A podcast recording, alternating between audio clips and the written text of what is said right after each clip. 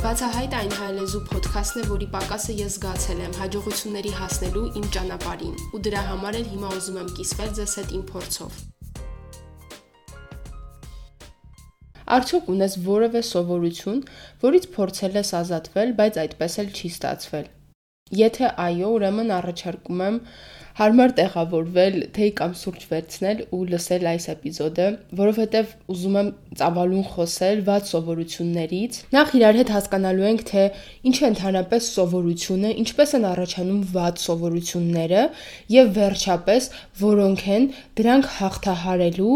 ամենաէֆեկտիվ միջոցները։ Ինչը մի բանից ազատվել է, իհարկե պետք է իմանանք, թե ինչ է դա, ինչ է իրենից ներկայացնում, որպեսզի ավելի ճիշտ մոտեցում տանք։ Նախ եթե օրինակ ասեմ ծխելը, խաղամոլությունը, անդադ պետք եղածից շատ ուտելը, գողանալը եւ այլն ված սովորություն են, հաստատ բոլորս կհամաձայնվենք։ Երևի թե բացի որոշ ծխողներից, որոնք հաստատ միշտ ինչ որ օրինակ կգտնեն մեկի, որ ծխում է եւ առողջ է, բայց դրանք ընդամենը բացառություններ են։ Ու իմիջայլոց շատ կախվածություններ հենց զարգանում են ավելի փոքր վատ սովորություններից։ Վատ սովորությունների ամենածայրահեղ, ամենախորացված տեսակը արդեն վտանգավոր կախվածություններն են, օրինակ թմրամոլությունը, ալկոհոլիզմը, որը արդեն ուղիղ կերպով սպառնում է մարդու կյանքին, բայց այս էպիզոդի շատ այսպես միջին չափի վատ սովորությունների մասին է, քանի որ կախվածությունների դեպքում մոտեցումը պետք է մի փոքր ավելի լինի, նույնիսկ նույնիսկ մասնագետների հետ աշխատելով, բայց շատ վատ սովորություններից իհարկե մենք ինքներս կարող ենք ազատվել։ Ես մեկնաբանում եմ վատ սովորությունը, յուրաքանչյուր սովորություն, որը խանգարում է մեզ հասնել մեր նպատակներին կամ բացասական ձևով վերանդառնում մեր ֆիզիկական, մտավոր կամ հոգևոր առողջության վրա ու նաև վատ է անդրադառնում շատ մեր շրջակա միջավայրի վրա, հա, օրինակ տանից դուրս անդադ աղբ նետելը։ Ինչպես նշեցի, վատ սովորությունների օրինակները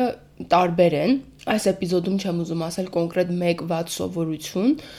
շատ ուշ քնելուց սկսած մինչև ստանալուց հետո անդադ ուտելը, անհամբերությունը, վերջնաժամկետները անդադ բաց թողնելը, շատ ծախսելը, խոստումները չպահելը եւ այլ եւ այլն։ Այստեղ շատ կարեւոր է նշել, որ որոշ ված սովորություններ նույնիսկ սուբյեկտիվ են եւ կախված են մեր անհատական կյանքից, նպատակներից եւ ձգտումներից։ Օրինակ, մեկի համար, ում գործը սկսվում է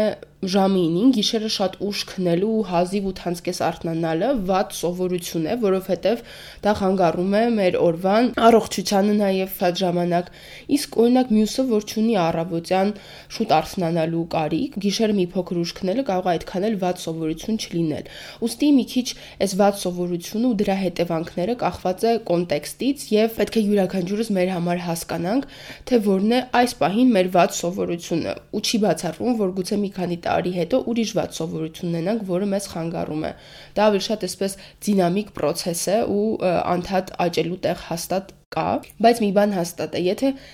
հիմա վերցնենք պաուզա ու ուղակի մեզ հարցնենք, ո՞րն է իմ ամենավատ սովորություններից մեկը այս պահին, հաստատ դրա պատասխանը մենք գիտենք, եթե մեզ համար անկեղծ են, յուրաքանչյուրս էլ գիտենք, թե որն է սպահին մեր ված սովորությունը, որը կամ այդքան չենք ուզում դեռ խոստովանենք, որովհետև մի քանի անգամ փորձել ենք ու չի ստացվել ու հիմա փորձում ենք ասել, որ դե լավ է, դա այդքան էլ ված սովորություն չէ, կամ զլանում ենք դրանից ազատվել, դրա համար չենք խոստովանում, բայց հաստատ մեր հոգու խորքում գիտենք, թե որն է այդ ված սովորությունը։ Այստեղ կուզենամ շատ հստակ պատկերացնենք, թե ինչ է իրանից ներկայացնում սովորությունը, որովհետև դա շատ է օգնելու դրանից ազատվելու, փոխելու հարցում։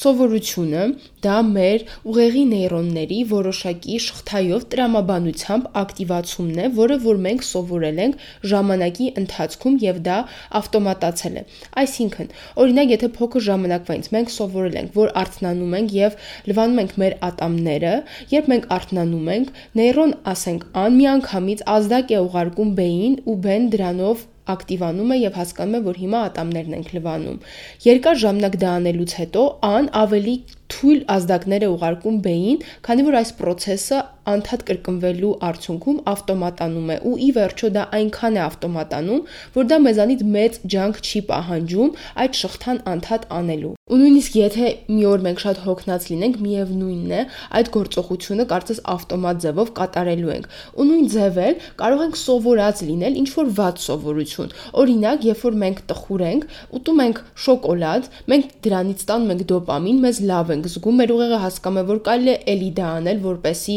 տխրությունը անցնի, մի քանի անգամ կատարելուց հետո արդեն այսպիսի նեյրոնային շղթան մեր մոտ էլի դառնում է ավտոմատ եւ մենք մյուս անգամ չենք էլ զգում ինչպես ենք տխրության ժամանակ անգիտակցաբար միանգամից շոկոլադ ուտում։ Այսինքն ստացվում է, որ սովորությունը կարծես ինչ որ իրավիճակի մեր սովորած պատասխանն է։ Այսինքն սովորությունը ինչ որ ուղակի վակուումի մեջ գործողություն մի բան չէ, մի բան տեղի ունենում ու դրա հետևանքով մենք անում ենք որոշակի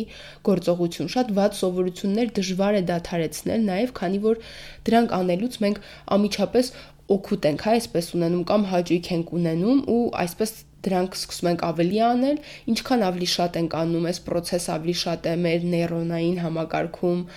ձևավորվում, ավտոմատանում, խորանում ու դրա համար էլ ավելի դժվար է դառնում դրանք կոտրել։ Դրա համար էլ նույնիսկ երբ գիտակցում ենք, որ ունենք վատ սովորություն, դժվար թե մենակ հասկանալով դա կամ ինչ որ մեկի ասելով մենք այդ վատ սովորությունը դադարեցնենք, շատ հաճախ դա կարող է տևել ընդամենը 5, 10 օր, 15 օր ու մենք հետո էլի գանք մեր հին սովորությանը, որովհետև ինչպես նշեցի, սա ինչ որ արմատացած process է, սա ինչ որ պատասխան է, որ մենք սովորել ենք որևէ էմոցիայի իրավիճակի ու դրա համար պետք է սովորությունից չակերտավոր ազատվելու։ Ինչու եմ ասում չակերտավոր ազատվելու, որովհետև ես ինքս մի քանի անգամ անհաջող կերպով ված սովորությունից ազատվելու ժամանակ նկատեցի, որ ավելի հեշտ է, երբ փորձում ես ուղակի փոխարինել այդ սովորությունը որևէ լավ սովորությամբ։ Հետո գտա նաև սրա վերաբերյալ շատ գիտական հետազոտություններ, մեթոդներ, ուստի առաջին էֆեկտիվ մեթոդներից մեկը, որ ես միշտ ասում եմ, ված սովորությունից չակերտավոր ազատվելու համար պետք է գտնել միջոցներ, ձևեր այդ ված սովորությունը ավելի լավ սովորությամբ փոխարինելու համար։ Օրինակ, եթե դու ծխում ես ստրեսի ժամանակ, ապա պարզապես դադարեցնել ծխելը հաստատ չի աշխատելու, երբ որ դու ստրես ես զգում դու ծխելուց հանգստանում ես ու դա պետք է քեզ։ Հարցը նրանում է, որ պետք է մտածել, թե ինչպես հանգստանալ, ինչպես ազատվել այդ ստրեսից ոչ թե ծխելու միջոցով, այլ ինչ որ մի ուրիշ սովորության միջոցով, որը վատ չի ազդի մեր վրա, կամ ավելի գոնե մի փոքր ավելի քիչ վատ կազդի, որը հետո էլի կարելի է փոխարինել ուրիշ սովորությամբ։ Օրինակ, կարող է լինել, հիշում եմ, մի ժամանակ շատ հայտնի էր ծամոնով ծխելուց ազատվելը, որը որ շատ մարդկանց մոտ աշխատել է բայց գուցե հենց այս ծամոնով փոխարինելը որոշների մոտ չաշխատի, այս փոխարինող սովորությունը ավելի սուբյեկտիվ է, պետք է մենք ընտրենք այնպիսի մի բան, որը որ մենք քիչ թե շատ սիրում ենք, մեզ լավ էմոցիաներ է տալիս, ավելի քիչ դժկամությամբ կանենք դա, գուցե մեկը սիրում է հենց ինքը քայլել ու կարողանա քայլելով փոխարինել այս կարիքը ստրեսից ազատումը եւ չծխել այդ ժամանակ։ Այսպեսով այս ընտրությունը սուբյեկտիվ է ու դրա համար յուրաքանչյուրը ձեր համար մտածեք, թե կոնկրետ այս ված սովորությունս ինչով կարող եմ փոխարինել, որը որ ավելի ինձ դուրեկան է, ավելի հեշտ կդարձնի, որ ծխելու փոխարեն անեմ այս մի ուրիշ բան։ Իմ համար սա շատ կարևոր նյուանս է եղել, որովհետև ինձ մոտ շատ է եղել, օրինակ, երբ որ ես փորձում էի ուտելիքի ընթացքում ջուր չխմել անընդհատ, փոքրուց եկած ինչ որ սովորություն էր, որտեվ դա վատ էր մարսողության համար, ես անդադ ասում էի վերջ սրանից հետո էլ չեմ խմելու ու դա չէր ստացվում։ Հետո երբ հասկացա, որ ուղակի ինձ ուտելիքի ժամանակ ավելի հարկ հարկավոր են ինչ որ ջրային բանջարեղեններ դրա հետ ուտել ու դա այսպես ասած բավարարում է իմ կարիքը, կամած-կամած ստացվեց ուտելու ընթացքում ջուր չխմելը։ Ու այս փոխարինելու իրականում մի քանի ձև կա։ Կարելի է միանգամից ուղակի փոխարինել, այսինքն ինչպես նշեցի նախորդ օրինակներում, ջուր խմելու տեղը ուտում եմ բանջարեղեն, ծխելու տեղը անում եմ սա բայց շատ հնարավոր է, որ միանգամից այդպես հեշտ չստացվի։ Օրինակ, մեկ այլ օրինակ, ենթադրենք, դուք աշխատանքի ընթացքում անդադ նայում եք ձեր հեռախոսին, սոցիալական կայքեր եք մտնում կամ ուղակի notification-ներն եք նայում, եւ դա խանգարում է, կոտրում է ձեր պրոդուկտիվությունը, գուցե նաեւ ժամանակ եք կորցնում ու հիմա ուզում եք ազատվել այդ սովորությունից, բայց անդադ ավտոմատ ձևով արդեն սովորել եք, ձեր հեռախոսը վերցնում եք։ Եթե միևնույն է ավտոմատ ձևով էլի վերցրեցիք հեռախոսը, նայեցիք արեցիք աշխատելու ընթացքում ուղակի, երբ որ արեցիք արդեն այդ ված սովորությունը, շատ լավ արդեն արել եք, դնում եք հեռախոսը մի կողմ եւ մի այլ լավ սովորություն եք դրա փոխարեն անում։ Այս լավը էլի կոնտեքստի մեջ, հա, ինչ որ մի բան, որ ձեզ համար է լավ, ենթադրենք դուք հիմա փորձում եք ավելի շատ ջուր խմել, Դրանից հետո խմում եք ջուրը։ Ու կամած կամած, սա ինջերց սրա վերաբերել կան գիտական հետազոտություններ, որ երբ որ մենք սկսում ենք մեկ այլ սովորություն մտցնել, այս նեյրոնային process-ը շղթան, որ օրինակի համար աշխատելու ընթացքում անդադ սովորեր, որ պետք է հիմա ակտիվանար B նեյրոնը, որպեսի հեռախոսին նայեր, մտնում է այս շղթայի մեջ նաև հիմա C-ն, որը որ ասում է համել ջուր խմիր, ու մի փոքր ավելի հեշտանում է, հետո կոտրել շղթան ու C-ին ավելի մեծ, այսպես ասած, տեղ տալ ու ավելի շատ ավտոմատացնել C-ի ակտիվացումը։ Ոստի կարող եք այսպիսի մեթոդ էլ կիրառել։ Երկրորդ կետը,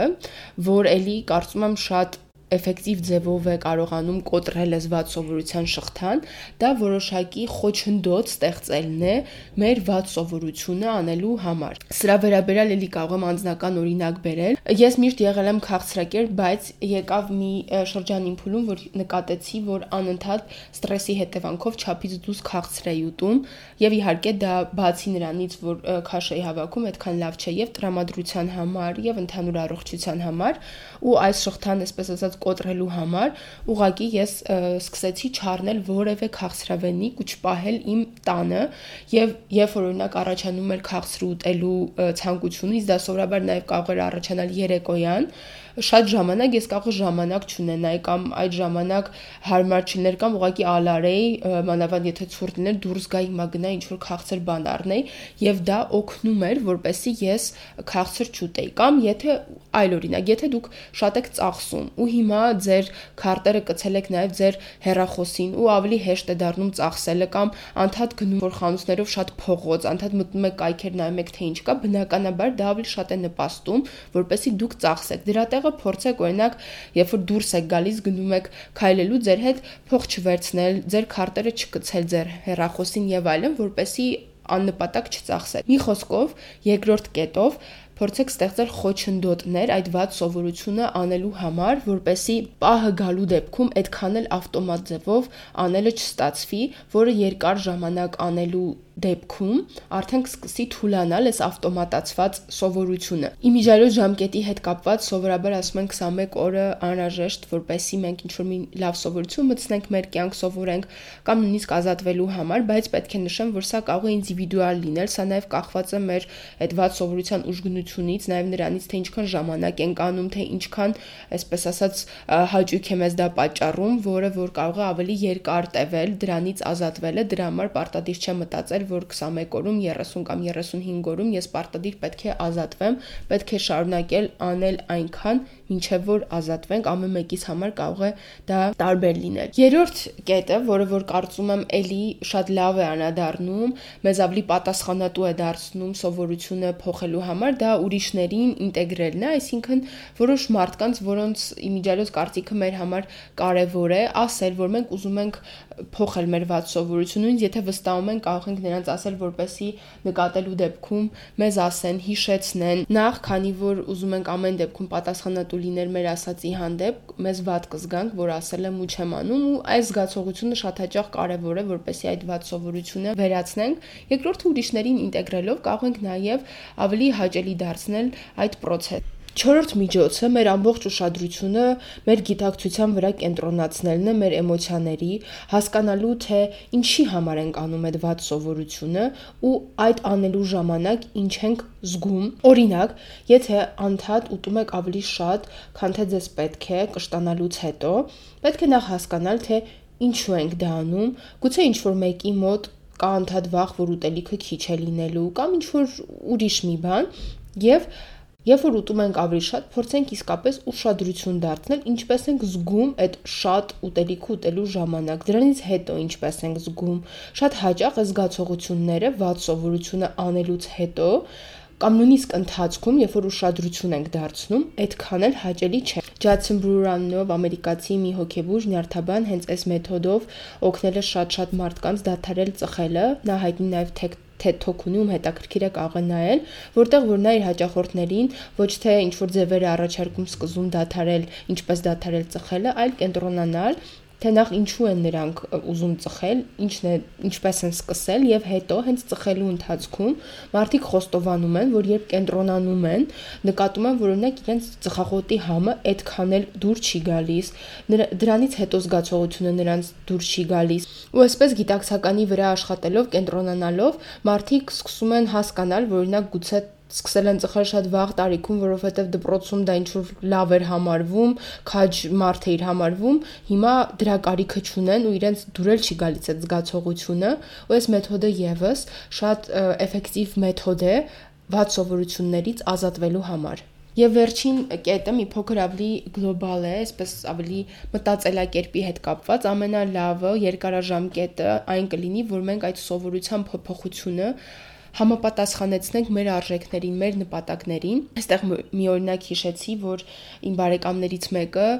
դե դեռահաս տարիքում անդադ մատերը կրծում էր ու երբ որ նրա մոտ եկավ մի պահ, որ նա ուզում էր լինել այսպես խնամված տեսքով իր համար շատ կարևոր էր գեղեցկությունը, խնամքը եւ այլն, հասկացավ, որ այսպես зерքերս կրծելով երբեք դա չեմ ունենա, նպաստեց, որպեսի շատ կարճ ժամանակում այդ սովորությունը վերանան։ Ամեն դեպքում, երբ որ մենք խորապես ինչ որ մի բան ենք ուզում, դա մեր արժեքն է, դա մեր նպատակն է ու տեսնում ենք ինչպես այդ վատ սովորությունը վատ անդառնում դրա վրա,